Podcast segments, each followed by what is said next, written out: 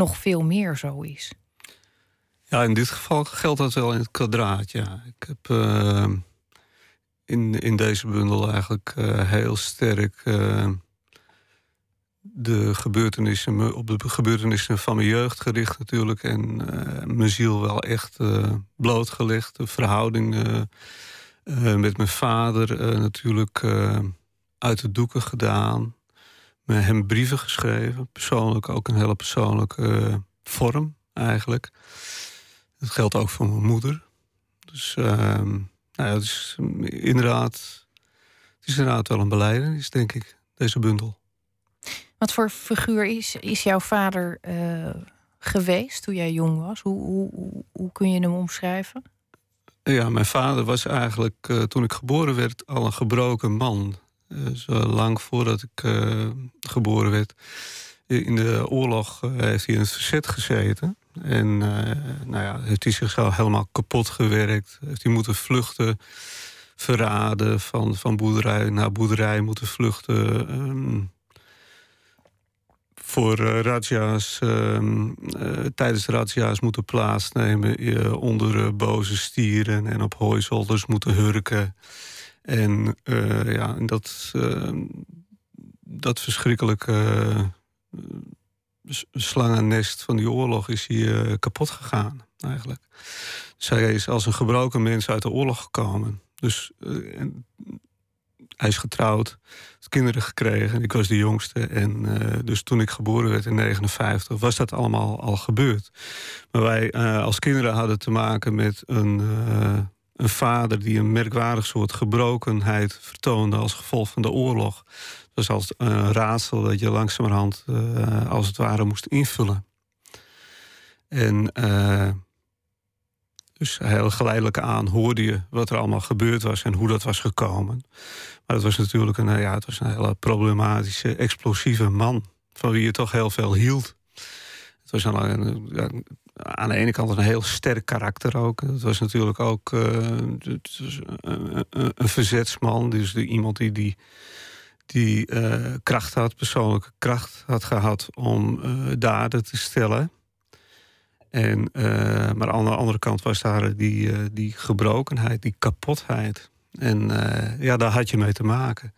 En daar heb ik natuurlijk me in deze bundel rekenschap van gegeven.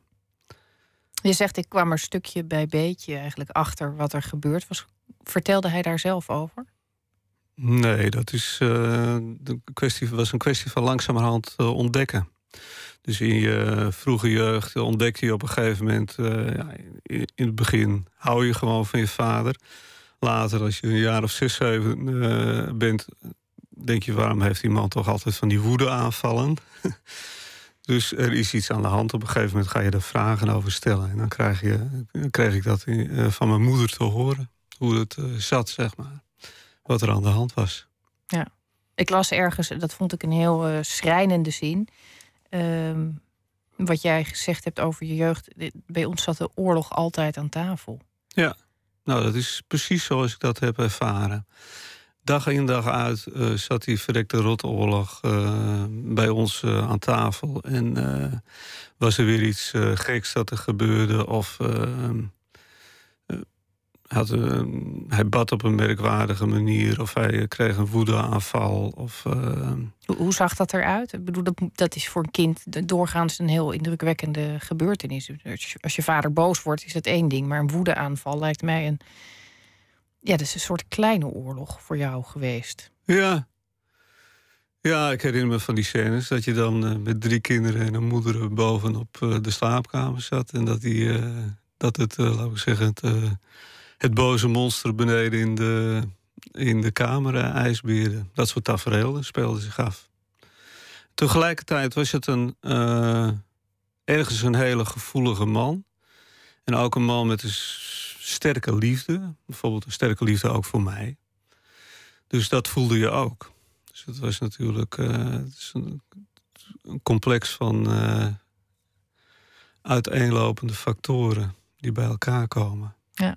Je beschrijft dat in je bundel uh, Mijn vader bad heel mooi, vond ik, de, die, um, die, die, twee kanten van je vader. Ik zou je willen vragen om daar iets uit voor te lezen. Er staat op pagina 35 en 36 twee gedichten die ik uh, heel treffend vond in dat opzicht.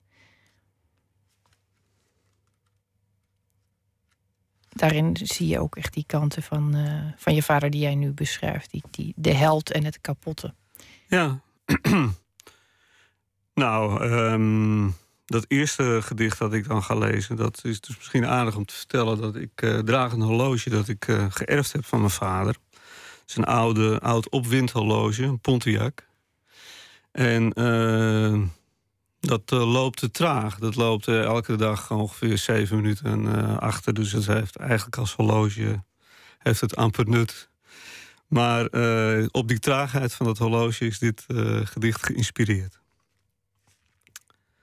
is dus de dertiende brief aan mijn vader.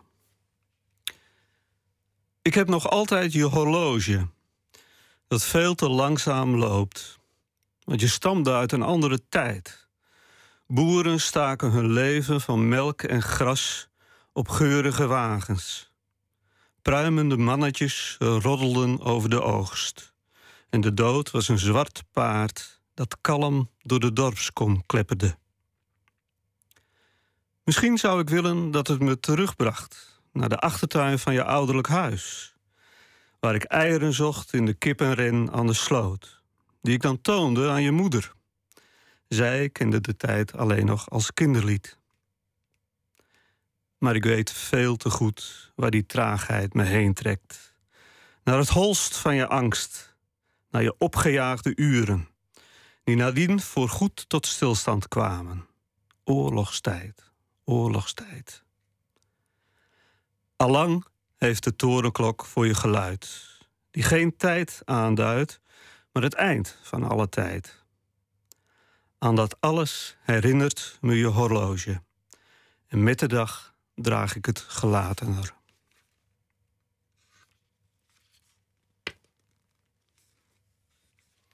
Het, uh, het horloge in dit uh, gedicht, typische. Toen ik het las, moest ik even denken aan uh, Menno Wigman, een collega dichter.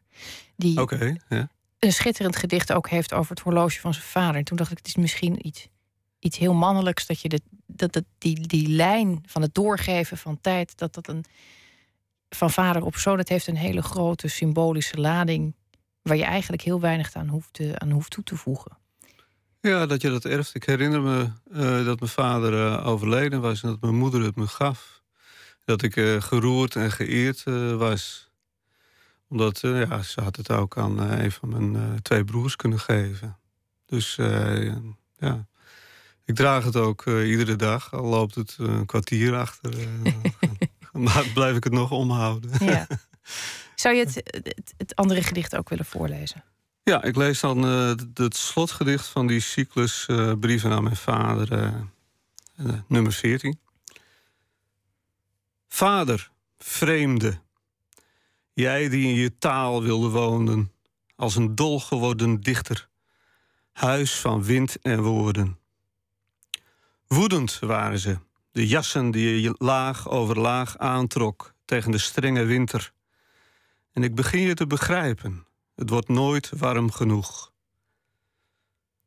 Jij die me met een razend hart lief had. Jij vijand met je ijsblauwe ogen. Midden in de nacht kom ik je tegen. Ik vecht met je, maar ik heb geen verweer. Ja, het is een portret waarin de vader heel erg twee gezichten toont. Aan, de ene kant de vijand, aan de andere kant de liefhebbende. Had je dit kunnen schrijven als hij nog. Hoe lang heeft dit geduurd voordat je dit durfde? Want het is nogal wat om je. Eh, nou ja, dit, dit, de, de, de vorm is persoonlijk, de, de toon is persoonlijk. Het is uiterst. Je zet daar heel veel op het spel. En dat, dat vraagt soms ook om een zekere afstand tot diezelfde vader. Ja, nou, ik denk dat die afstand in dit geval wel uh, degelijk nodig was. En ik had het ook nooit. Dat, dat is natuurlijk uh, niet zozeer uh, geldt dat het schrijven als wel het publiceren. Ik had het nooit gepubliceerd bij zijn leven. Dus, maar die afstand is ook nodig. En ik heb eigenlijk die, die hele cyclus brieven, die, die vat ik zelf eigenlijk ook wel op als een, ja, een liefdesbetuiging aan hem. Bepaalde manier. Het dorp waar jullie toen woonden, het was een heel klein dorp, drie, drie 400 inwoners. Ja, 300 inwoners. Ze waren altijd heel trots als we de 300 passeerden. Hoe gingen zij om met jouw vader als uh, oud verzetsman? Was hij een held? Nee. Nee, mijn vader was een, uh, in de dorpsomgeving een problematische figuur. Het was, was geen dorpsgek. Zo erg was het niet. Maar het was wel iemand bij wie graag belletje werd getrokken... omdat hij dan toch uit zijn vel sprong, zal ik maar zeggen. En dat is natuurlijk, ja, voor kinderen is dat prachtig. Ongeacht de reden. Voor andere kinderen wel, ja. Ja, ja, ja. bij jullie lag dat natuurlijk anders. Bij ons lag dat iets anders. Ja. Als je nu uh, terugkijkt op die tijd, ga, ga, je, ga je nog wel eens naar, naar het dorp waar je opgegroeid bent? Heel zelden. En dat is dan om het uh, graf van mijn vader en moeder te bezoeken. Kijken of het er nog mooi bij ligt en zo. Ja. ja. Het is merkwaardig wat een, uh, dat merk ik in al je werk, wat een relatie met de aarde daar altijd in zit. In dit geval heel letterlijk. Maar het gaat heel veel over velden, over wortelschieten, over de bodem. Um, en ik denk ook, en het komt misschien omdat je filosoof bent en vertaler, en dat zijn toch ook hele cerebrale, stel ik me voor, activiteiten. Dat je dat op de een of andere manier probeert te compenseren door flink stevig in die grond te gaan zitten vroeten. Tenminste, in de aarde te wortelen. Ik vroeg me ook gelijk af, heb jij thuis een groentetuin? Ik moet je teleurstellen. Nee, dat is niet zo. Dat had ik zo mooi gevonden. Ik heb wel twee katten. Ook heel aards.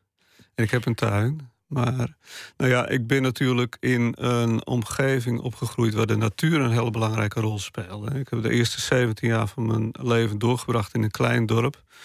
Dus dat was een leven van... Ehm, eieren zoeken, vissen, je, echt in je jonge jaren. Dus je hebt een hele sterke natuurbeleving. En uh, later is daar ook wel iets bijgekomen van een filosofische houding. Van uh, het idee dat we het met de aarde moeten doen en met de aarde moeten redden. Dus die dingen vervlechten zich met elkaar. leidt dat er ook toe dat je die, die, de neiging hebt om daar naar terug te keren, naar, terug naar het landschap en je af te wenden van um, andere, andere aspecten die afleiden, drukte, mensen, geluiden, de prikkels van alle dag. Ben, ben jij iemand die zich het liefst terugtrekt en uh, naar, die, naar die wijdheid terug verlangt? Want ja, ik denk bij Friesland altijd vooral aan de enorme ruimte. Ja, ja, ik heb eens iemand horen zeggen: Friesland is ruimte. En dat, vind ik, dat vond ik een heel goede typering. Vanuit het huis waar ik geboren eh, ben, kon je voor en achter eh, naar de horizon uh, kijken. En je sliep echt, uh, ja, als je s'avonds insliep, dan hoorde je nog wat weidevogels roepen. En, dus dat was een enorme rust. Ging er vanuit. En ik woon dus sinds een jaar of tien weer in een dorp. Iets wel wat groter dorp, maar wel eh, die, die natuur om me heen en die rust om me heen, die, die, ervaar ik wel als weldadig. Ik heb heel lang in Amsterdam gewoond, overigens, daar tussendoor, meer dan 25 jaar. Maar nu ik weer in die rust van het dorp uh, ben teruggekeerd, merk ik hoezeer je toch altijd op een bepaalde manier wordt opgejaagd door de stad. Dus ik vind het echt ja, prettig ook, het is ook net of mensen in dorpen wat meer. Uh, nou, het is eigenlijk ook, logisch dat ze een bepaalde ruimte uh, in het contact ook uh, meer hebben. Dus.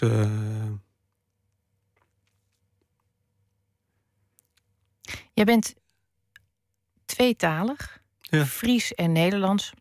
En ik kan me voorstellen als dichter, um, en dat, dat hoor je uh, dichters ook wel eens zeggen. Ik ken een aantal Friese dichters die uh, altijd zeggen: ik, ik, heb twee talen tot mijn beschikking. De een is de taal van mijn hart of van mijn moeder of van mijn gezin, dat is het Fries. En die andere is toch meer een rationele taal. En volgens mij is het bij jou één en hetzelfde. Ja, dat klopt, ja. Bij mij is het niet zo dat uh, het Fries de taal van mijn hart is. Het is wel de taal van mijn jeugd. En um, ik ben echt helemaal tweetalig. Dus ik, ik, heb het idee dat ik in twee talen kan wonen. Maar het is natuurlijk ook mede doordat ik zo verschrikkelijk lang in uh, het Westen heb gewoond al en gewerkt heb. En mijn vrouw is Nederlandstalig. Uh, is dat ook, ook helemaal de taal van mijn hart geworden. Bovendien is het zo ik, dat ik op de middelbare school, dat, dat geldt overigens voor heel veel Friese, ook Friestalige schrijvers en dichters. Hoor. Dat je wordt eigenlijk als qua schrijftaal wordt je gesocialiseerd in het Nederlands. Dus de eerste dichters die je leert kennen, dat, uh, dat zijn niet uh, Trines Riemersma en Tjerbe Hettinga. Maar dat zijn um, Vazalis en uh, Bloem. Dus het is eigenlijk, um, er moet altijd iets van een bewuste beweging plaatsvinden later naar het Fries toe. En die heb ik wel gemaakt. Maar uh, ik ben ook altijd, uh, ik, ik, vertaal al vanaf mijn 25ste naar het Nederlands. Dus ik ben ook altijd in het Nederlands uh, blijven werken. En, en gaandeweg is dat ook mijn, mijn, mijn eerste schrijftaal geworden. Maar het, ja. Ben je het Fries daarmee niet stilletjes aan het, aan het kwijtraken? Je spreekt het niet meer dagelijks, je schrijft er niet meer in. Is dat niet. Het lijkt me, ik, ik zou me zorgen gaan maken als Fries zijnde. Ja. Nou, ik kan er heel goed mee leven hoor. Maar ik, ik, ik kan je verzekeren dat ik nooit kwijtraak. Daar, uh, ja, het, zijn gewoon twee huizen. Tweetaligheid is een heel aparte situatie. Het is een, een andere situatie. Ik heb Engels gestudeerd, dus ik, ik kan behoorlijk wat Engels. Maar dat blijft toch altijd op een bepaalde manier een vreemde taal. En dat is met het Fries niet zo. Als, als mijn broer... Uh, zondag is de presentatie van mijn boek. Als uh, mijn broer daar komt, dan spreek ik net zo makkelijk Fries met hem als maanden geleden of als een half jaar geleden. Dus dat, dat verleer je niet. Ja, maar die, die tweetaligheid wordt wel eens. Ik, ik, ik stel me altijd voor dat je dan ook heel gemakkelijk dat door elkaar heen gebruikt. Schakelt. Heb jij nooit als je in het Nederlands aan een gedicht werkt, dat je denkt, hier zou eigenlijk een beter, veel beter een Fries woord Enkele keren heb ik het met dingen. Ik heb het trouwens ook wel eens als ik vertaal. Dan vertaal ik iets uit het uh, Duits of het Engels. Dan denk ik van ja, hier hebben ze net een, uh, een weluidender synoniem voor in het Fries. Maar ik kan het niet gebruiken. ik ben nu naar het Nederlands aan het vertalen. Dus um, ja, dat soort situaties heb je wel. Maar met de poëzie is het eigenlijk zo gegaan. Ik, mijn eerste Fries, vier bundels waren Friestalig. En op een gegeven moment, eh, die vierde bundel, die was eigenlijk al voor een deel Nederlandstalig geschreven. Dus uh, gaandeweg uh, is, die, is die schrijftaal Nederlands geworden. Of ik moet eigenlijk zeggen weer Nederlands. Want toen ik gedichten begon te schrijven, op mijn vijftiende, voor de schoolkrant en dergelijke, waren dat ook Nederlandstalige gedichten. En er was een enkele keer een Friestalig gedicht bij. Dat is later, is die situatie verschoven. Maar die situatie begon weer te verschuiven. Dus nu is het, uh, is het Nederlands ook uh, qua poëzie mijn hoofdtaal geworden. Dat kan trouwens nog veranderen. Ik heb uh, ooit een bundel gemaakt met, samengesteld met gedichten van Teun de Vries. En die, heeft, die heeft ook een tweetalige achtergrond. En die vertelde dat hij op latere leeftijd Friestalige gedichten was gaan schrijven. Dus wie weet ga ik op mijn 65ste of mijn 70ste... komt er ineens een Fries aura over me heen. Dat zou best kunnen. ja, dat is gewoon vooral ook heel goed nieuws voor iedereen die uh, het, het Fries wel machtig is. Want ik heb je eerste bundels uh, niet uh, in de oorspronkelijke versie kunnen lezen, vrees ik. Ik, ik vind het altijd heel jammer als ik het hoor, denk ik, dit zou gewoon. ik had het best graag op de middelbare school bijvoorbeeld willen hebben. In plaats van Duits in dit geval. Want ik had een hekel aan Duits. Oh ja? Ja, ja. ja dat kun jij niet indenken. Jij bent nu ook bezig met een vertaling. Uh, waar werk je op dit moment aan? Ik vertaal nu een dik boek van uh, Jurgen Habermas. Dat heet uh, Die Structuurwandel der Öffentlichkeit. De structuurverandering van het publieke domein. En het gaat over de manier waarop onze publieke omgeving in de loop der eeuwen is veranderd. En hoe we ervoor moeten zorgen dat dat domein intact blijft. En dat we daar niet verlies in leiden. Het klinkt niet als een. Uh, bedoel, het klinkt als een, als een uh, werk waar je al je concentratie bij nodig hebt. Is, het, is vertalen voor jou ook nog iets wat je oprecht heel leuk vindt? Soms is het bij zo'n boek als dat van Habermas... is het vooral is het leuke, vooral als je naderhand het idee krijgt... dat je een hele moeilijke tekst toch op een natuurlijke manier hebt laten klinken. Zo natuurlijk mogelijk. Het allerleukste binnen het vertalen is het poëzie vertalen, vind ik. Daar geniet ik altijd de volle van. Als het goede poëzie is tenminste. Ja, want je hebt uh, onder andere uit, uit, het Engels Wordsworth en Coleridge vertaald. En ja. uh, uit het Duits, nou ja, ben je nu met Emmanuel Kant bezig... maar volgens mij ook Duitse dichters vertaald? Enkele keren, niet enkele veel hoor. En uit het Fries natuurlijk uh, onder andere Albertina Soeboer en Obe Postma. Ja. Als je nou mag kiezen wat het, wat het poëzie vertalen is, sowieso het allermooiste. Heb je dan nog een voorkeur, een grote liefde? Voor welke dichter ik het liefst in de toekomst? Of, uh, nou ja, nee, dan wil ik heel graag weten waar de liefde begonnen is. Maar ook ja. uh, of je nog geheime dromen hebt. Je weet nooit of er niet een obscure uitgeverij meeluistert die straks denkt: we gaan uh, onmiddellijk deze man strikken. nou, ik heb een van de dromen die ik heb, is dat ik nog eens uh, verzamelde werk van Dylan Thomas wil vertalen. Alle werk van Sylvia Plath, dat lijkt me ook heel heerlijk. Vind ik ook een erg goede dichteres. De Prelude van Wordsworth wil ik eigenlijk ook nog eens gaan doen. Heb ik overigens al uh, dus met een uitgever over gesproken. Kijk, ja. die, die, is alvast uh, binnen. Ja. Als je nu uh, naar je nieuwe bundel kijkt, Mijn Vader Bad. Je hebt een aantal jaren geleden in een andere bundel ook brief aan je zoon geschreven. Je, hebt, ja. je bent inmiddels zelf vader. Um, al een tijdje dus. Nu brieven aan de vader. Is er nog iets wat, waarvan je nu al weet, die verdient ook zo'n reeks? Ook zo'n ook zo'n reeks. Nou, misschien mijn vrouw.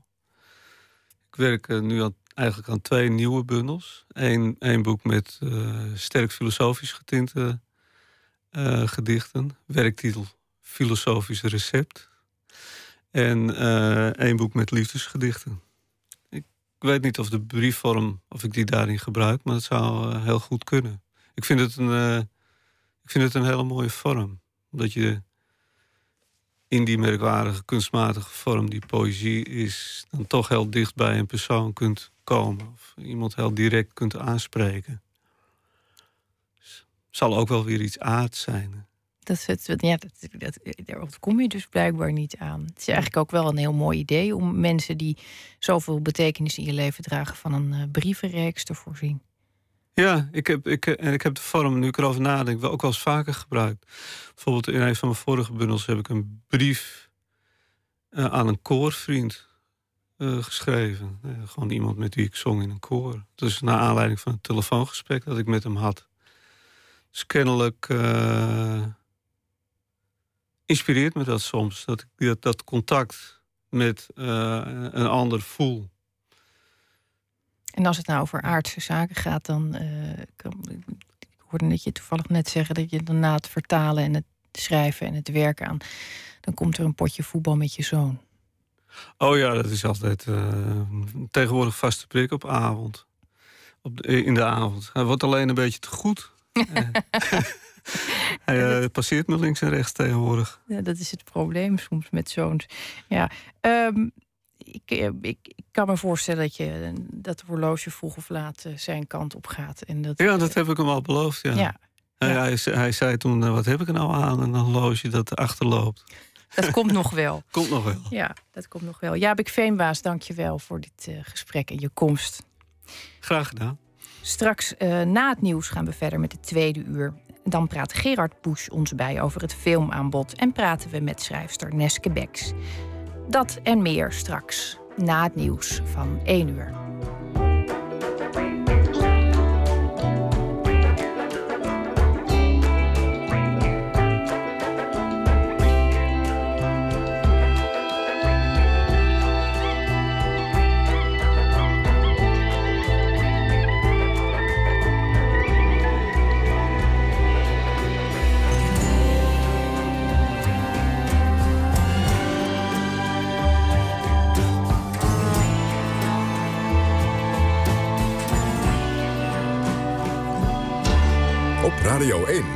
Nieuws van alle kanten.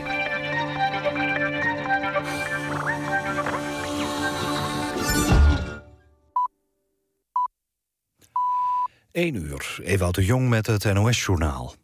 In verschillende Europese landen zijn bij elkaar 26 mensen opgepakt... bij een grote actie tegen fraude met paardenvlees. Een criminele organisatie wordt er onder meer van verdacht... tussen 2010 en 2013 zo'n 4700 paarden... die niet geschikt waren voor menselijke consumptie... toch te hebben verwerkt. Het vlees is in de voedselketen terechtgekomen. Bij tientallen huiszoekingen werd onder meer 37.000 euro contant geld in beslag genomen. Honderden documenten, medicijnen en tientallen computers zijn geconfiskeerd. In Nederland deden 100 medewerkers van de Voedsel- en Warenautoriteit mee aan de actie. De komende dag worden waarschijnlijk meer details bekendgemaakt. Minister van der Steur van Veiligheid en Justitie heeft een stevig gesprek gevoerd met de politiebonden. Dat zegt een woordvoerder van de minister. Volgens het ministerie is er een dreigend gebrek aan vertrouwen tussen de bonden en de korpsleiding. De bonden spraken vanavond met de minister over de problemen bij de vorming van de nationale politie en de relatie tussen de korpsleiding en de werkvloer. Binnenkort spreken de minister en de politievakbonden elkaar weer. Turkije is woedend op Duitsland en Rusland... omdat zowel president Gauck als president Poetin... het bloedbad onder Armeniërs in de Eerste Wereldoorlog... als genocide hebben bestempeld. Ze deden dat bij de herdenking van het begin van de gewelddadigheden... tegen de Armeniërs 100 jaar geleden. Volgens het Turkse ministerie van Buitenlandse Zaken... kan de uitspraak van Gauck langdurig negatieve effecten hebben... op de Duits-Turkse relaties. Het gebruik van de term genocide door Poetin is volgens Turkije een typisch geval van de pot verwijte ketel. De Turkse regering verwees daarbij naar Ruslands eigen bloedige verleden onder Stalin.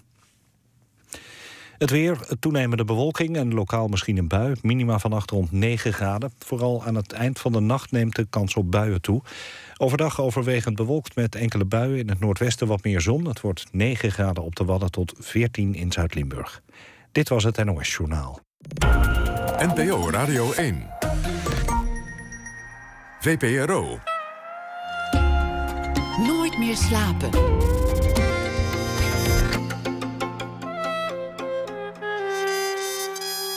Met Esther Naomi Perquin.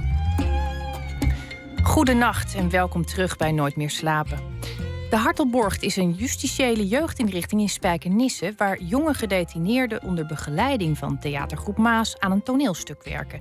Straks nemen we een kijkje achter gesloten deuren. En zorg voor een creatieve klasse in de stad en de economie zal bloeien. Dat is de veelgehoorde boodschap van beleidsmakers en stedenbouwkundigen. Maar dit beleid zou ook segregatie in de hand werken. Wat is daarvan waar? Maar we beginnen nu met de kleuren van de nacht. Uit Portland, Oregon komt zanger en multi-instrumentalist Peter Broderick. En zijn nieuwe album heet Colors of the Night. En daarvan hoort u hier het nummer The Reconnection.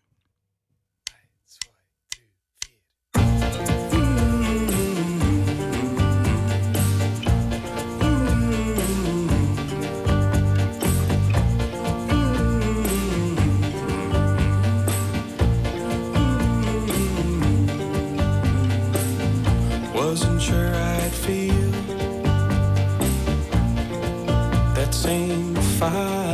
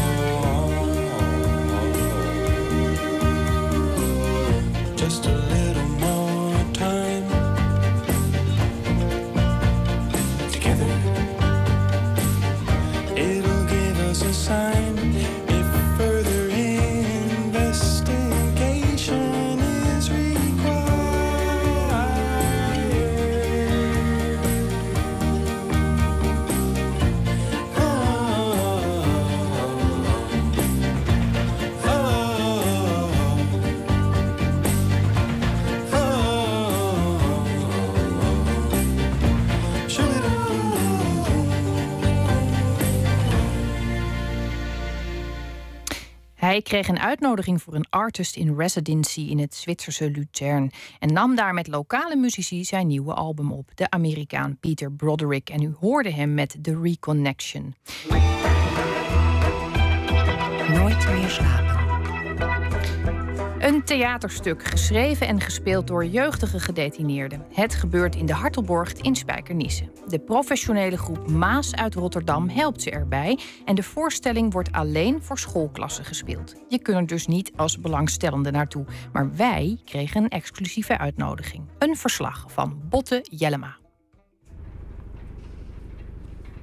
Het is een verval geraakt. Hè? Gewoon overal is roest en rot en staal en onkruid en beton, ijzer. En het steekt allemaal uit. En het, Graffiti. nu is het, wordt het overgenomen door, eh, door jonge mensen die eh, hier eh, ja, zichzelf uitleven.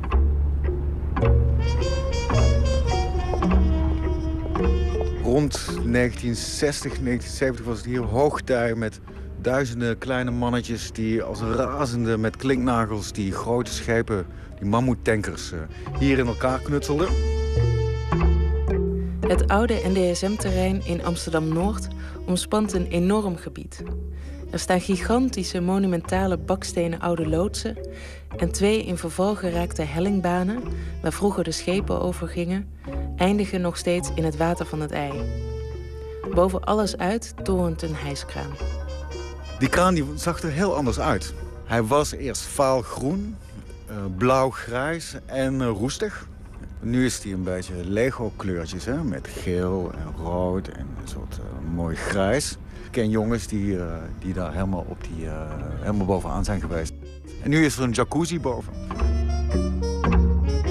Mark Kolen van theaterplatform Pickup vestigde zich in 2006 op het NDSM-terrein. In de oude werf waar inmiddels een overdekte containerstad was ontstaan. Tussen de oude industriële chaos verrijzen langzaam de vruchten van het nieuwe beleid. Een groot luxe hotel, bedrijfsverzamelgebouwen, professionele horeca en boven in die oude kraan twee luxe hotelkamers. 480 euro per nacht. Hoeveel kamers zijn er? Twee kamers. En eh, van binnen zijn ze nog lelijker dan de buitenkant.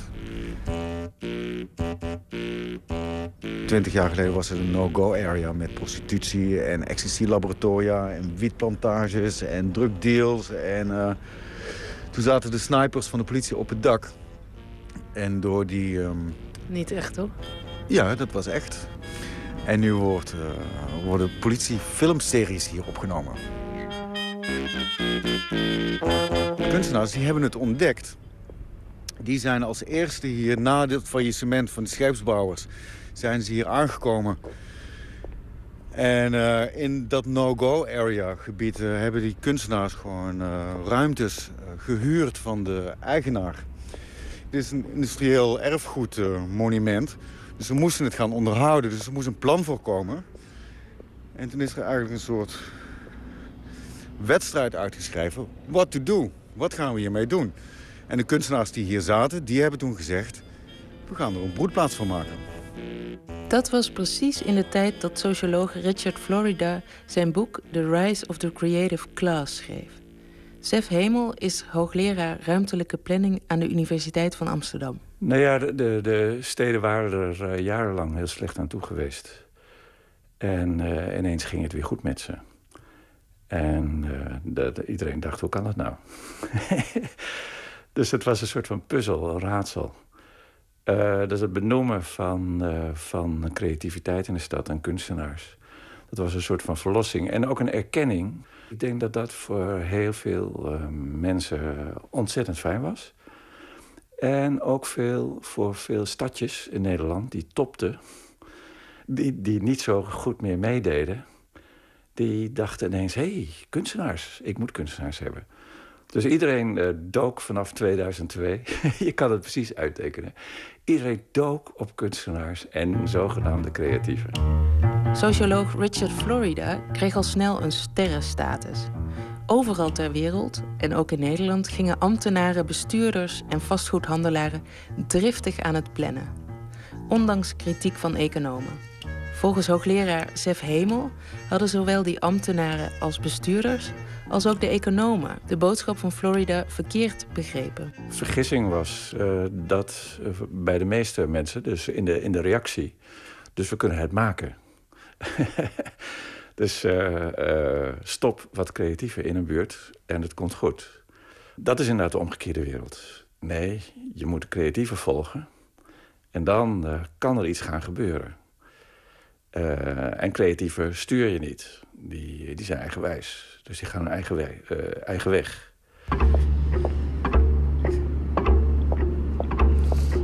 Wat zijn ze daar nu voor bouwwerkzaamheden aan het doen? Ze zijn nu daar een um, uh, riolering aan het leggen. Riolering, glasvezelkabel, snelle verbindingen. Helemaal in de 21ste eeuw. Welcome to the future.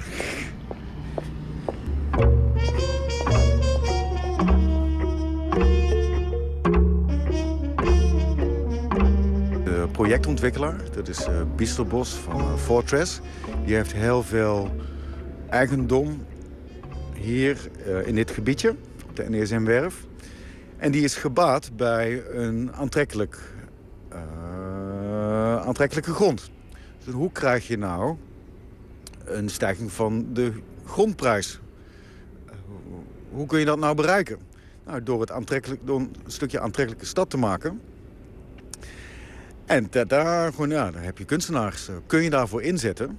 En dan worden kunstenaars dus een middel voor de grootgrondbezitters... om nog meer voor hun grond te, te krijgen. En dat is nu aan de hand. Hè. Deze kraan is er. Er is een groot hotel. Uh, er is commerciële horeca. Dus de kunstenaars die worden langzaam eigenlijk uh, weggeduwd. Het is toch ook wel fijn om een soort nut te hebben, om een doel te hebben? Ja, kunst is nuttig, hè? Nou, nou, ja, misschien is dat wel fijn als het nuttig is. Ja, gewoon, nou, er moet een goede balans in zitten, gewoon dingen. Gewoon, uh, er moet ook een soort uh, teruggave zijn. het moet niet een soort one-way one -way richting zijn waarin de projectontwikkelaar zegt van hier heb je nu goedkope ruimte. En vijf jaar later is de, huur, of de grondprijs gestegen. En dan toedeledokie, tot ziens en bedankt. He, dus het rendement van wat die kunstenaars hier komen doen en genereren... dat wordt niet uitbetaald.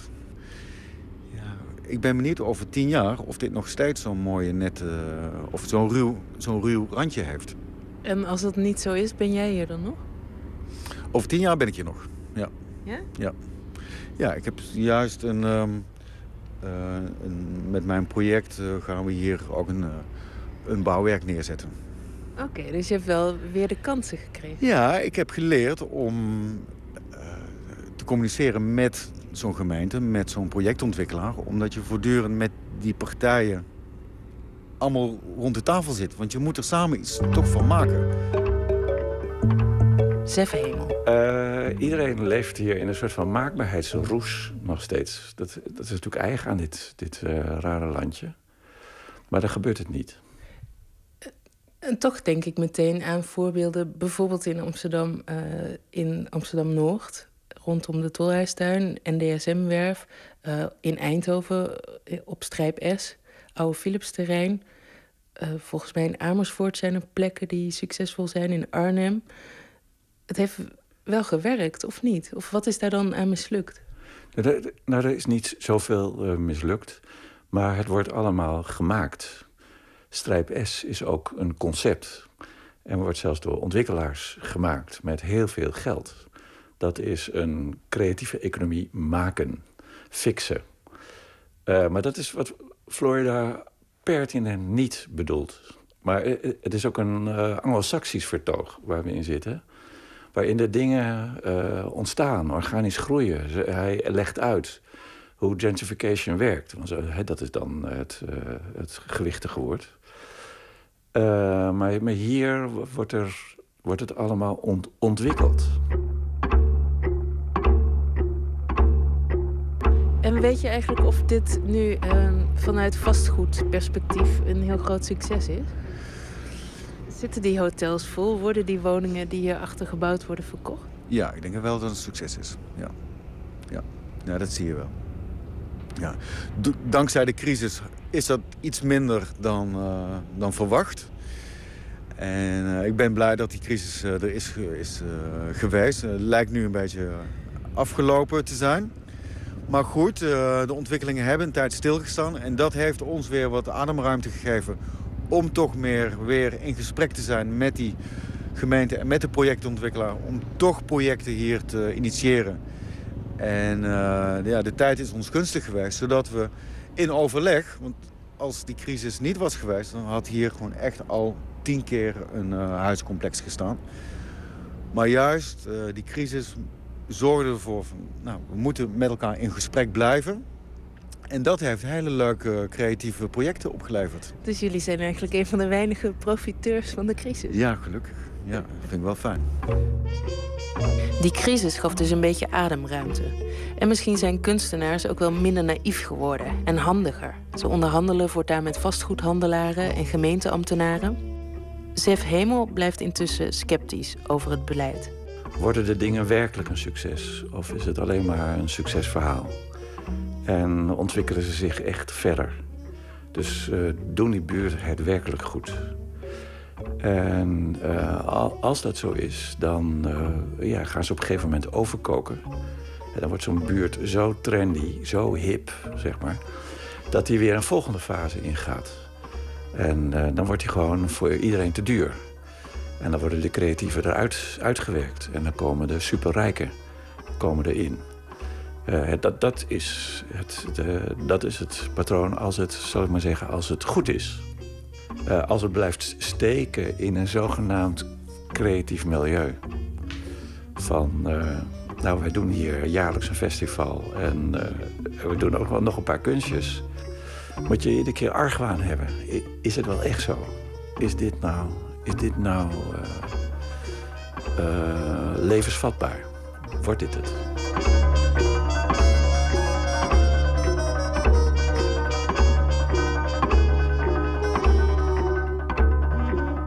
U hoorde Emmy Colau in gesprek met planoloog Zef Hemel over de manier waarop kunstenaars worden gelokt naar voormalige industriegebieden en achterstandswijken. En als het daar tot bloei komt, vervolgens weer moeten verkassen. Een interessante kwestie.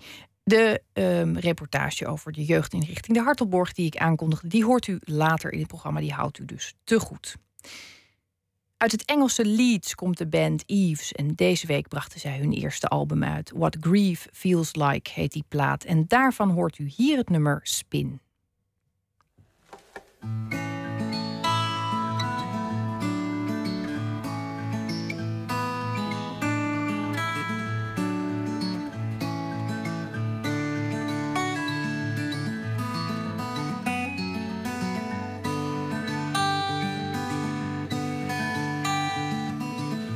Great hurricane has soaked your shoes. Now you're looking for someone to blame. Or just somebody that can make you sane. It's got you crazy in the wind. Your hands are dirty, but your eyes still shine. Staring out towards some walls downtown. You've been spreading both your feet around. Let's get you feeling something good.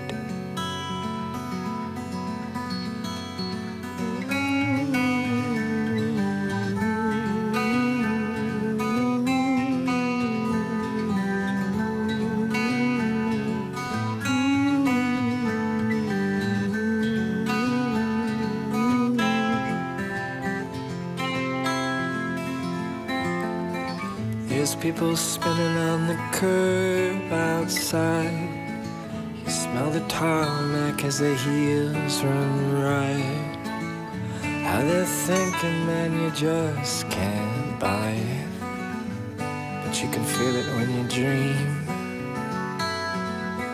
Those conversations as you pass them by, they are monocolored whilst your handshake screams. Now nobody knows what lies between. You never can march when they're dry.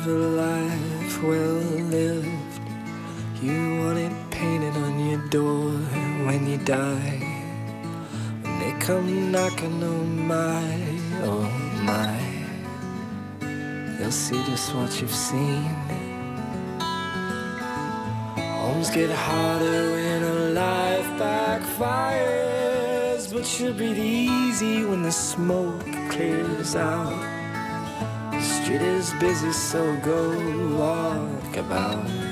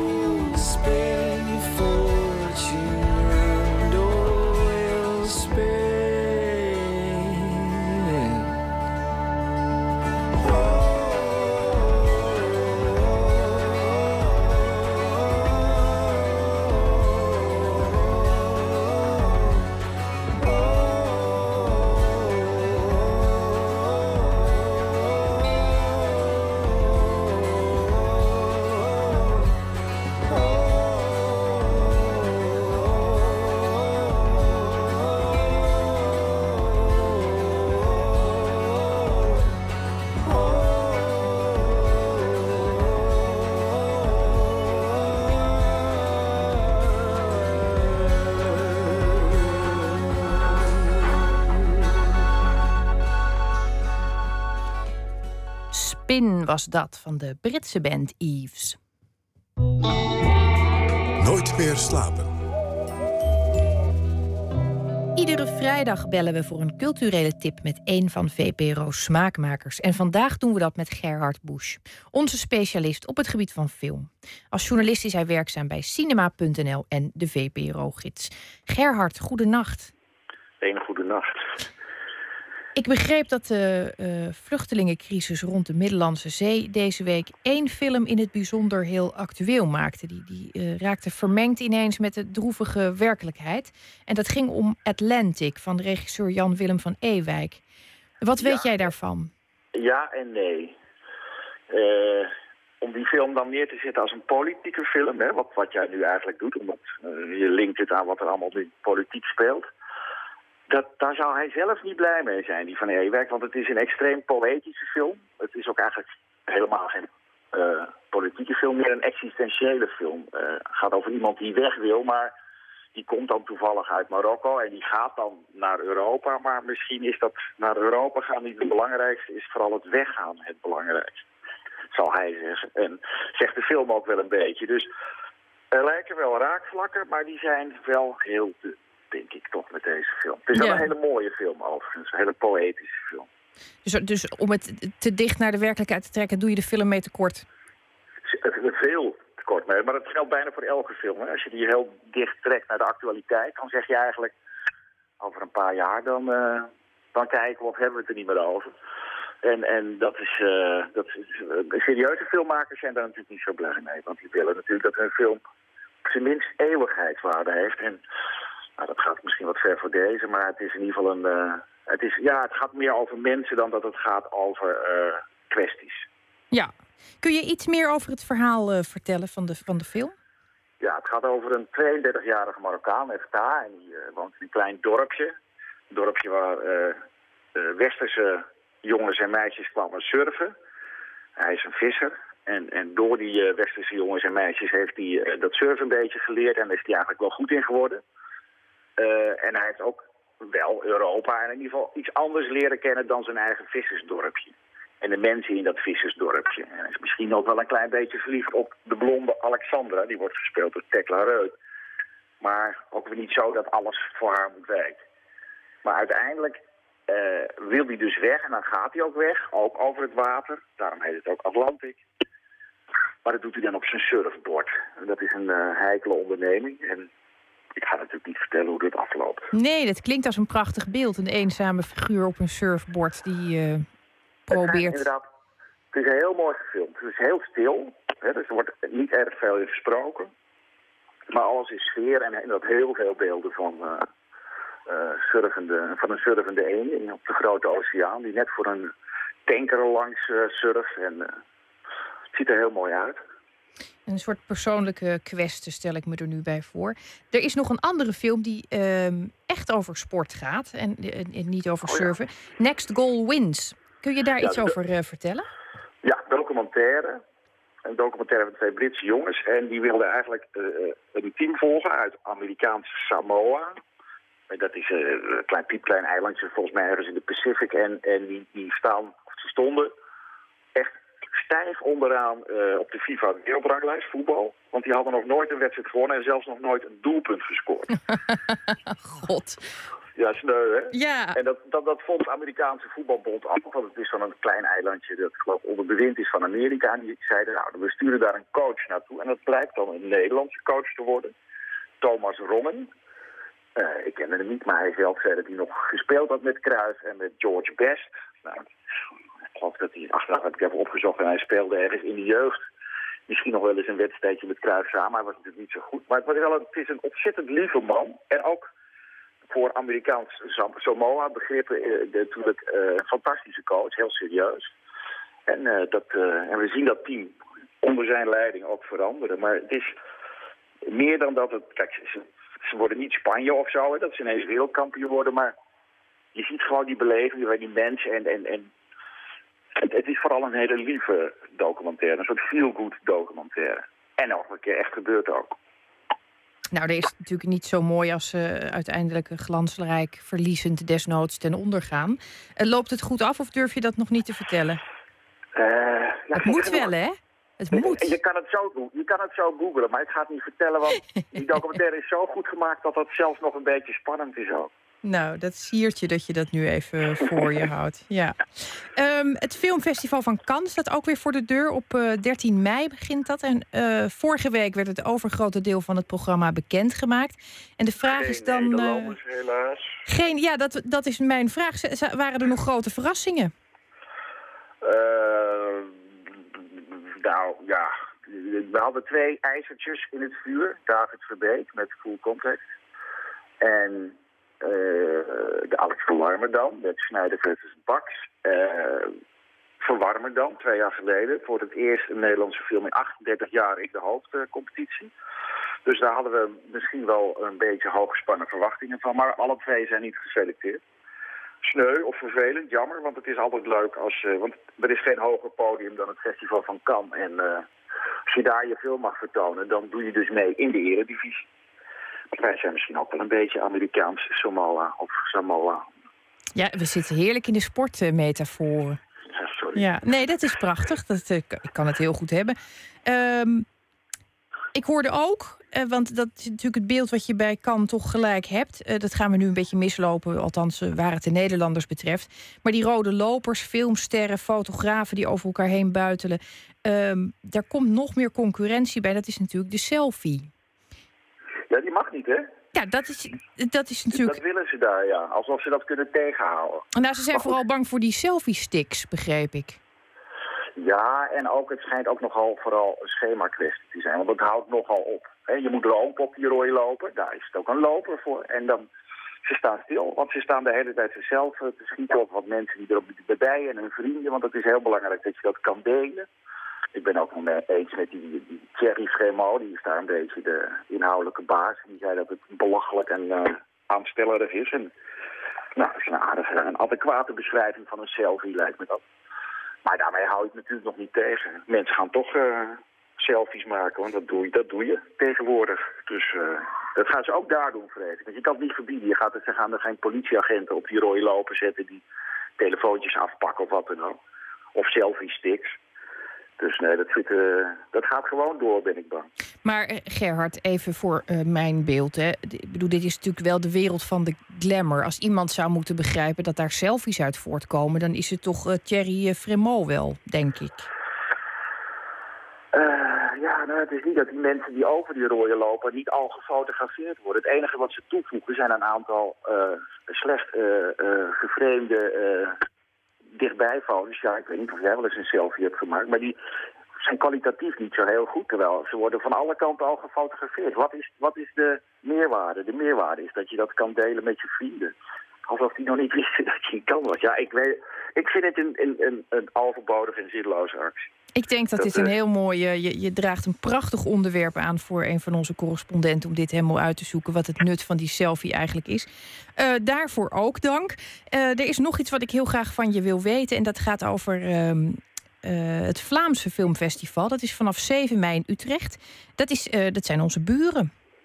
Nou, niet alleen onze buren, dat is ons festival. Dat is de, de tweede editie. En de VPRO die heeft dat vorig jaar de wereld ingeholpen. Want ja, de, de, de Vlamingen maken al jaren betere films dan wij. Maar daar gaan we nooit naartoe. Dus wij dachten, nou, dan halen we ze hier naartoe.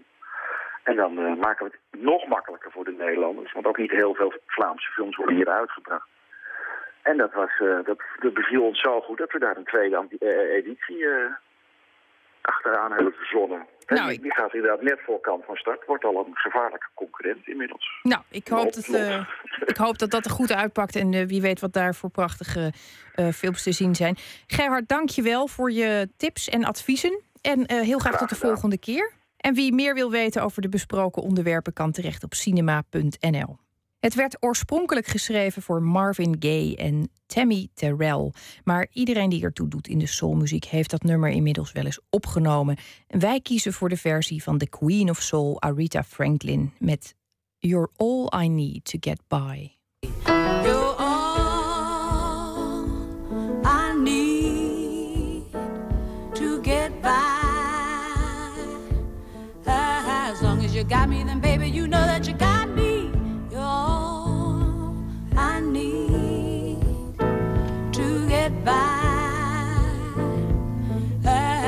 got our love in Samara, ESBCT. Sweet morning dew.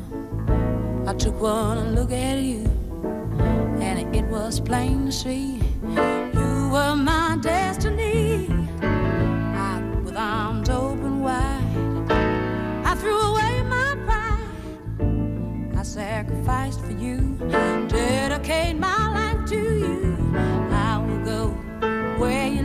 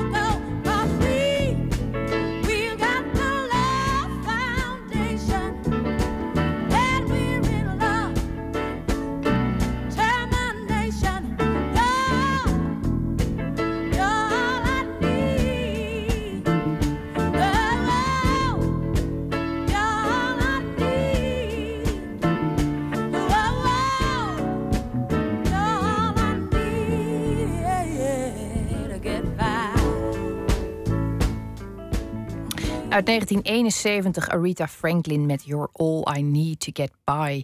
We hebben allemaal wel iets nodig om door te komen. En die vraag stelden we ook aan Christian Weitz. Hoe kom je de nacht door? Het is een klein boekje. Geel.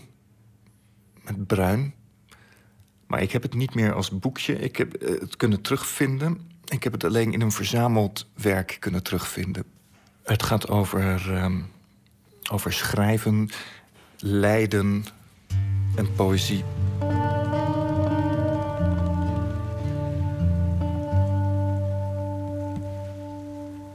Het is Reste Vivant van Michel Wel- Welbeck. Het is de eerste tekst die hij ooit publiceerde. Een heel klein boekje.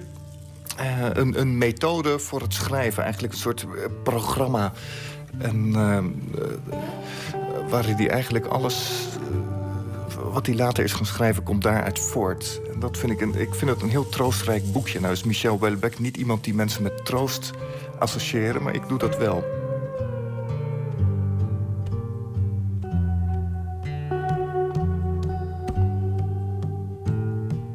Ik merkte dat het troostrijk was toen ik op een gegeven moment was ik na het stranden van een relatie was ik, ging ik naar Rome toe. En ik denk, ik ga een hele zomer in Rome zitten. En ik had een, een, een tent meegenomen, zo'n koepeltent. Oh, natuurlijk stom, want dat was de tent waar ik eh, jarenlang met dat meisje in had gelegen op, eh, op vakantie. Dus dat maakt het alleen maar erger. En ik dacht, ik ga naar Rome, ik zoek een camping daar in de buurt. Dat bleek verschrikkelijk ding te zijn aan een snelweg. En ook waar iedere avond jongeren aan het uitgaan waren en aan het doen. Maar eh, wat ik bij me had was Reste Vivant van Michel Welbeck. En dat gaf een enorme troost. Juist omdat het zo zwart en cynisch is. En ik merkte toen de, de troost van het cynisme, zou je kunnen zeggen. Bijvoorbeeld, er staan dingen in. eh, de samenleving waarin u leeft heeft als doel u te vernietigen. U hebt met haar hetzelfde voor. Het wapen dat zij zal gebruiken heet onverschilligheid. U kunt u niet dezelfde houding permitteren. Dichters in de aanval. Het is eh, geschreven als een soort advies aan dichters. Aan welke houding, welke levenshouding je moet hebben als schrijver. Dus het is eigenlijk zoals Rielke met zijn, zijn brieven aan de jonge dichter... is dit Welbeck aan de, aan de jonge dichter, schrijver.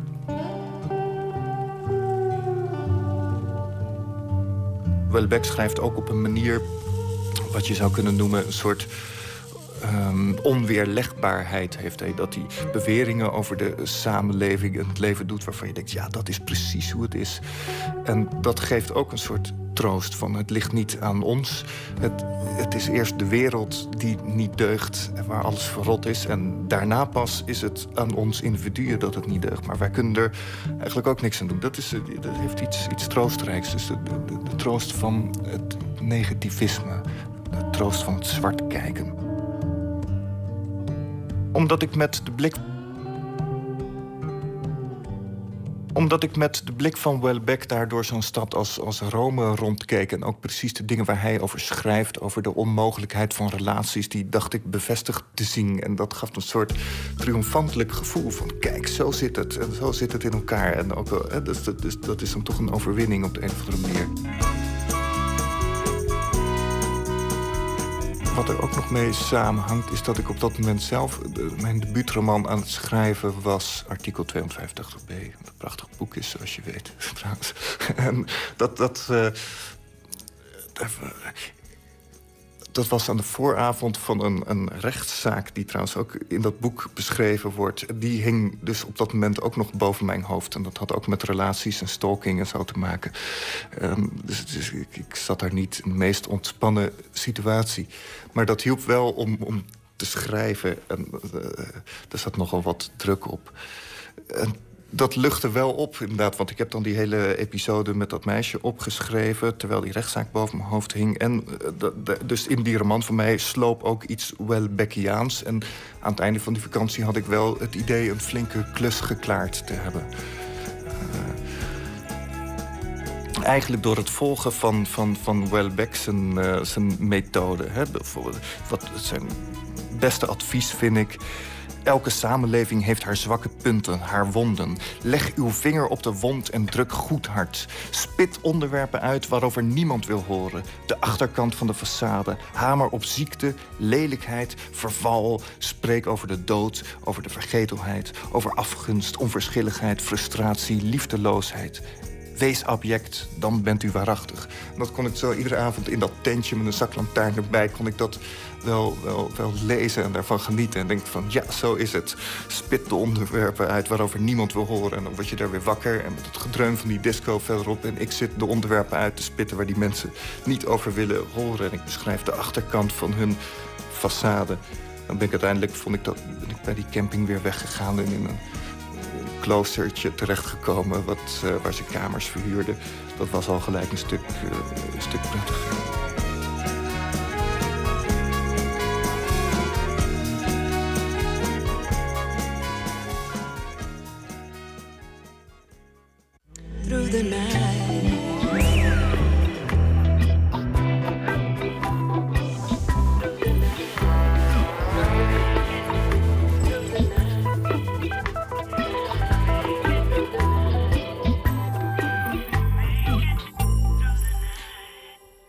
Schrijver Christian Weitz over het essay Restez vivant van Michel Welbeck. Nooit meer slapen. Een theaterstuk geschreven en gespeeld door jeugdige gedetineerden. Het gebeurt in de Hartelborg in Spijkenisse. De professionele groep Maas uit Rotterdam helpt ze erbij en de voorstelling wordt alleen voor schoolklassen gespeeld. Je kunt er dus niet naartoe. Maar wij kregen een exclusieve uitnodiging. Een verslag van Botte Jellema.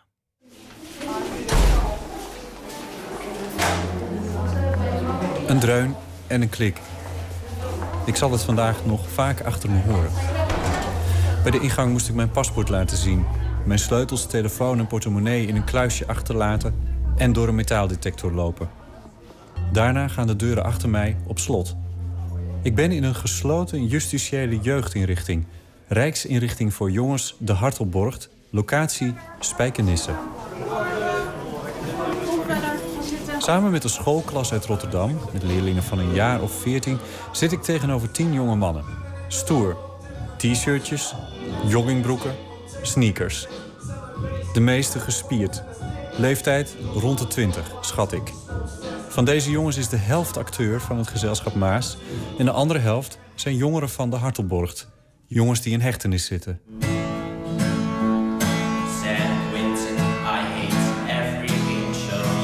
Een jongen zingt het gevangenisnummer Johnny Cash live in San Quentin. Uit het legendarische optreden van Cash, die zelf ook in de gevangenis heeft gezeten. Ik kon het eerst helemaal geen plek geven, want het is zo'n andere sfeer als de rest van de voorstelling en ook van dit gebouw. Ja? En uiteindelijk was dat ook de reden om het er toch in te stoppen. Alexander de Vree, regisseur. We hebben wel een beeld van de gevangenis en van hoe het is om in gevangenissen te zijn. En dat beeld is vaak heel Amerikaans natuurlijk. En verheerlijkt vanuit muziek. Uh, vanuit Johnny Cash, maar ook nu... Nou, op, die zitten er niet Ja. in de bak. eh. de vraag bij mij eigenlijk was van... hoe komt het toch dat al die muzikanten in de bak belanden? Is dat omdat het vrijbuiters zijn? Zijn het vrijdenkers? Zijn ze gewoon anders? Eh, lopen ze niet met de pas mee? Drugs? Drugs ook. Nou, maar is goed, dat- waar komt dat dan weer uit voort? Hè? Dus, en waar komt dan die muziek dan weer uit voort? En waarom luisteren we dat allemaal zo graag? Waarom verheerlijken wij eigenlijk die gevangenen? Zo kan je het ook zeggen.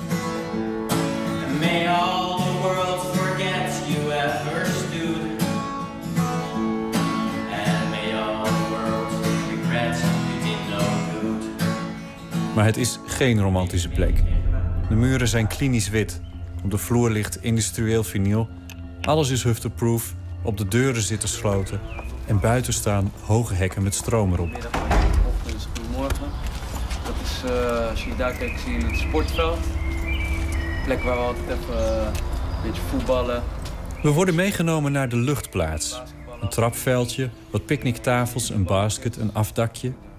Twee jongens zetten een spel op met de schoolkinderen, maar het komt nooit op gang. Symbolisch voor het leven van de jongens die hier zitten.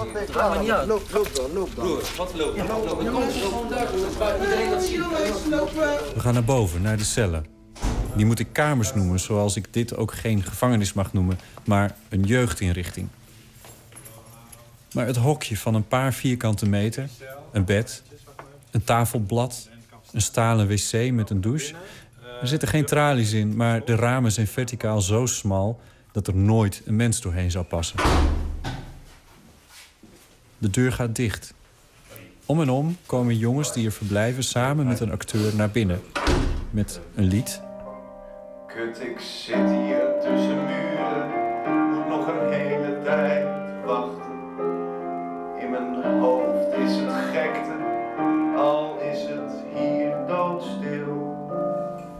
scène uit het leven Moet hier. je proberen met je stopcontact trouwens. Moet je, heb, je, heb je een paperclip of zo? Ja, ja, dat heb ik. Dan moet je erin doen en soms krijg je een vonkje, soms krijg je een vuurtje. Ah, ik ga Pas wel op hè. Oh! Hey! Hey Jan! Hey Jan, what the fuck, leef je nog? En een vertwijfelde monoloog interieur. Dat ik gek ben in mijn kop. Dat ik een fucking klootzak ben. Dit is nu mijn huis. Mijn, mijn nieuw huis.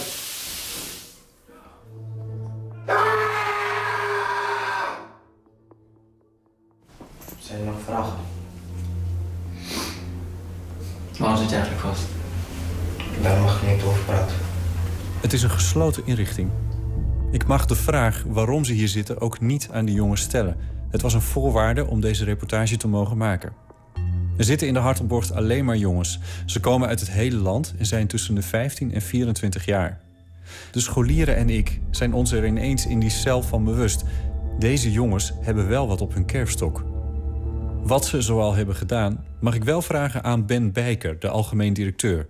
Hij is niet op deze locatie tijdens ons bezoek, dus ik bel hem met die vraag. Dat is in Nederland zo dat je wordt niet zo gauw veroordeeld om in eh, een jeugdinrichting terecht te, te komen als het om lichtere vergrijpen gaat. Dus het gaat meestal om diefstal, ernstige vormen van diefstal, diefstal met geweld, eh, geweldsdelicten, eh, eh, levensdelicten, ehm, ja, dat, dat soort dingen. Dus het is echt de, de, de ernstige vormen eh, van criminaliteit. Sommige van deze gasten zitten hier vanwege moord en doodslag. Nou ligt hier ook een bos sleutels eh, naast Ja, jou. ja. Wat is dat? Ja, dat is, eh, dit is mijn ticket naar binnen. Dus ik ben een van de weinigen van deze groep die dan eh, sleutels en een pieper, die heb ik ook, eh, Ja. en een pasje. Die ging af en toe af, die ja, piepers. Ja, ja, dat is als er iets is of er mag niet gelopen worden in de gangen, dan eh, hoor je dat via de pieper. Dus dan mogen we niet naar buiten. Dat is, eh, Ook wij als... Ook wij, ja, zeker wij. Vanneke Verhallen van Studio 50 Second heeft de theatergroep en justitie bij elkaar gebracht. De plek is, is gewoon een van de belangrijkste acteurs in, in de voorstelling. Want die plek maakt zoveel indruk. Als je in de voorstelling boven in de kamers, tussen aanhalingstekens, eh, eh, zit. Hoe klein het is. En bedoel, je weet het allemaal. Maar als je erin zit en als je het ziet, dan denk je... Wow. Vanneke wil niet weten wat die jongens die hier zitten hebben gedaan. Volgens mij is er meer dan genoeg aandacht eh, en focus op wat ze gedaan hebben. Eh, dus dat, dat hoeven we niet te brengen, want dat is er al genoeg. Wat wij hier komen doen of wat we willen bereiken, is dat je het vanuit een andere kant laat zien, vanuit een andere ingang. Dus omdat wij vanuit een andere ingang met die jongens gaan werken, namelijk wat zijn je fantasie of wat zijn je ideeën, of leg eens uit hoe dat werkt hier opgroeien tot een man in een eh, justitiële jeugdinrichtingstelling. Nou ja, maar daar gaat het wel om. Het zijn jongen, er was een, een jongen die vertelde dan dat hij op zijn vijf, ik geloof zijn vijftiende hier dan zo'n beetje binnen was gekomen. Is nu 19, heeft hij vier jaar gezeten. Ja. Dus dat is inderdaad opgroeien hier. Ja, dat is op, dan word je hier van, van, van jongeren word je tot man hier. Eh, zeker de jongens die, die door zijn gegaan in het project en waar we mee werken, zijn gewoon zo tof. En heb je een, een band mee gekregen en die hebben hele mooie, kwetsbare dingen laten Weet je, dan, maar eens, ik moet je even onderbreken, want ik denk dat er dan thuis toch een paar mensen zitten te luisteren die denken: ja, Vanneke, dat is mooi dat je ze tof vindt. Maar het- ze zitten hier niet voor niks. Nee, dus dat, dat, voor mij merkte ik dat ik het dus andersom moest doen. Dus ik moest niet, ik moest gewoon af en toe op de trein naar huis denken van ja, van, maar eh, ze zitten hier niet voor niets. Ja, ja. Dat is waar. En daar is, daar is niks aan te doen. En dat is het tragische, daar kunnen zij ook niks meer aan doen. Ik mag een van die jongens spreken. Onder toezicht van een begeleider zitten we in een kamertje op zijn afdeling. Hij speelde mee in de voorstelling. Volgens mij was, was jij dat toen we net het laatste gesprek hadden, waar die schoolklas was. Een van die kinderen die zei: Wie zijn de gevangenen? Ja, toch. En toen was jij daar nou? Die zei van: Ja, Wacht ja. even. Ik ben geen gevangene, ja. Ja, precies, dat zei ik, ja. Ja, dat, li- ligt dat gevoelig of wat, wat is dat? Nee, nee, het ligt niet gevoelig, maar eh, ze hoeft mij niet als een gevangene te zien, toch? Nee. Ik ben gewoon maar een mens, of Ja, niet? ja. Ik heb iets fouts gedaan, nou ja, ik zit hier zo. Kan gebeuren. Snap je waarom, ze dat, eh, waarom ze, die kinderen dat zeggen? Ehm, ja, tuurlijk, eh, het blijft voor hun een gevangenis. En ja, Ja. het is iets indrukwekkends voor hun misschien. Ja. Ja, toch? De voorstelling bevat een aantal eh, vrij persoonlijke verhalen. Hè? Waar je bang voor bent, de eerste keer dat je in de shit komt... en, en de belofte aan papa en mama. Dat soort dingen. Ja. Dus ik- dacht ik, iets van die grote brede gozers hier... dat zijn toch niet zaken waar jullie per se over praten hier? Ja, wel? precies. Nee, daar- praat ik ook meestal niet over. Nee. Maar aangezien ik ben heel gehecht met deze groep geworden... we hebben veel dingen samen ervaren, we hebben, ik heb dingen gedeeld met hen... dus dan ga je een vertrouwensband een beetje ontwikkelen. Mhm. En wat betekent dat dan voor je? Dat je hun vertrouwt en dat je jezelf kan zijn. Dat ze bij het acteren moet je af en toe gek doen, toch? Dus je kan gewoon gek doen en niemand gaat je uitlachen bijvoorbeeld. Snap Nee. snap je wat ik bedoel? Ja. Hij lijkt niet een uitzondering te zijn, zegt algemeen directeur Bijker van de Hartelborgt. Dit soort projecten betekenen echt iets voor deze jongens. Ja, veel van deze jongeren eh, die wij hebben gaan niet meer naar school. Die hebben niet echt meer een, een doel waarvan ze zeggen... Hey, dat wil ik heel graag worden. Die zitten soms al in, in zo'n manier van leven... dat je heel moeilijk eh, kan voorstellen hoe- hoe je daaruit komt en iets anders kan doen. En als je dan een jongere tegenkomt die heel blij is met wat hij op dit moment aan het doen is... en die is dan bezig met acteren en dat soort dingen... dan word je misschien weer een beetje wakker geschud. Dat zou zomaar kunnen. De, de, de keuze is om hier schoolkinderen naartoe te laten gaan... in de leeftijd van een jaar of 13, 14 eh, ongeveer. Ik heb wel vaker tussen schoolkinderen in het theater gezeten... maar ik heb ze nog nooit zo stil gezien. Ze waren echt onder de indruk. Misschien zelfs een beetje bang. Ja. Ja. Nee, dat is waar. En eh, eh, nou ja, dat is iets waar wij, waar wij ons heel bewust van zijn. Ik, ik vind het belangrijk dat, die- dat die jongeren eh, die dit zien... dit zijn eigenlijk de, jongeren die het spelen, want het zijn ook jongeren... Mhm. eh, zijn net iets ouder Mhm. dan degene die komen kijken. Dus het zijn ook een soort role models, in a way. Positief, dan wel negatief. Dus het maakt eigenlijk niet zoveel uit. Het zijn in ieder geval hun toekomst, zien zij hier. En ik wil dat ze, dat ze daar eens even bij stilstaan. Stel dat je helemaal geen band hebt met de gevangenis en er nooit zal komen. Is dit ook part of life? Zie het maar, dit, dit bestaat ook. Het is achter hoge muren, maar het bestaat wel. Kijk maar eens. Ja, en als je wel eh, als, als jongere af en toe er tegenaan neigt, om het maar zo te zeggen, dan is het ook goed om dit te zien. Want het is niet relaxed hier. Misschien in eerste instantie denken ze van nou, het is niet zo erg dan ik had verwacht. Maar eindstand denken ze van wel van ja, je zit wel binnen en voor de rest heb je niks. Als er een recht lijn is, moet je op die recht lijn lopen bijvoorbeeld. Je hebt niet je eigen wil in ieder geval. Snap je? Je kan wel dingen doen met jezelf, maar dan ben je in je kamer, snap je? Maar voor de rest moet je gewoon het programma volgen. Ja. ja, ik kon jou bijvoorbeeld niet eerder dan half één interviewen. want jij bent tussen 12 en 1 verplicht om hier...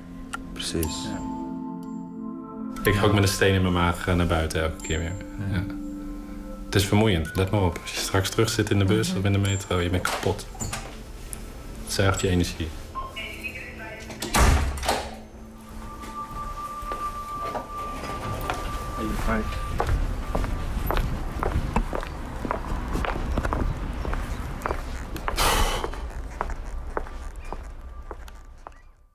De voorstelling HB Extra Hard, gemaakt en gespeeld door jongeren die in de gesloten inrichting de Hartelborg in Spijkenisse zitten. U hoorde regisseur Alexander de Vree en artistiek leider Vanneke Verhallen in deze prachtige documentaire, kleine documentaire van Botte Jellema.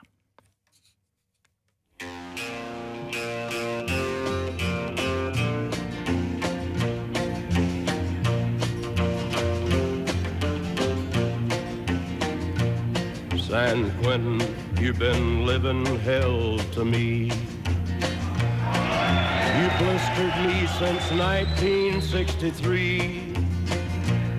I've seen 'em come and go, and I've seen 'em die. And long ago I stopped asking why. San Quentin, I hate every inch of you.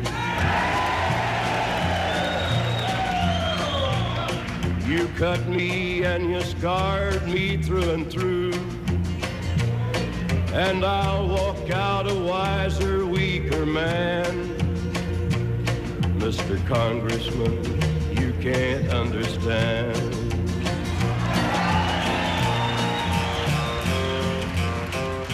Dat was Johnny Cash met San Quentin.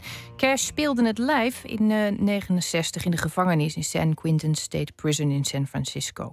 Hij koesterde zijn imago van een outlaw, maar eigenlijk heeft hij per keer nooit langer dan een nachtje in de baaiers gezeten.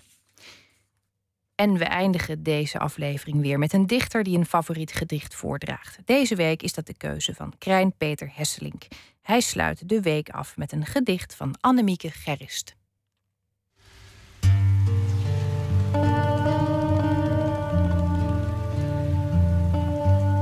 Heb een Amerikaanse vriendin die inmiddels weer in Amerika woonde, maar toen ik haar leerde kennen in Nederland. En ik had haar een keer meegenomen naar een eh, optreden van mij, waar ook de dichteres Annemieke Gerest voorlas. En nadat zij een eh, paar gedichten had voorgelezen, boog die vriendin van mij zich naar mij voorover en zei: I understood every single word. Is that a good sign? Haar eh, bezorgdheid eh, is alleszins begrijpelijk, want inderdaad, er is geen enkele dichter die ik ken die zo simpel weet te schrijven. Ehm, maar eh, een slecht teken is het niet. Ik vind het juist heel bijzonder. Ik hoop jullie ook. Het komt uit haar debuut, Waar is een huis? En ja, het is een titeloos gedicht en ik ga het gewoon maar voorlezen. Een man ziet een vrouw en valt in slaap. De vrouw kleedt zich uit en hij droomt dat hij in een boom klimt. Naar zijn huis kijkt en zijn vrouw ziet. Die zich uitkleedt voor de wasmachine, aan de knop draait en wacht tot de machine begint. Hij ziet een kat lopen. Waar komt die vrouw vandaan met die kat? vraagt hij hardop. Die vrouw in dat huis? De vrouw vraagt: Welke vrouw? Hij antwoordt dat de vrouw een kat heeft dat de wasmachine draait. De vrouw loopt de slaapkamer binnen en gaat op bed liggen, roept haar man. In de tuin zit de man in een boom en wacht tot hij nog eens wordt geroepen.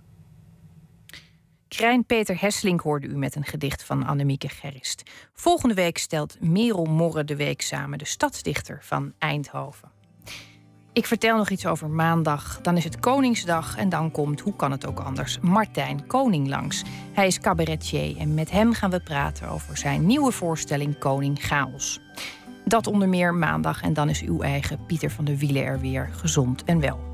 Straks kunt u luisteren naar Woord. Met hart en ziel is het thema. En daarin ook weer mooie bijdragen van Botte Jellema. Verhalen over fans, fanaten en andere wereldverbeteraars. Ik wens u voor nu een mooie nacht.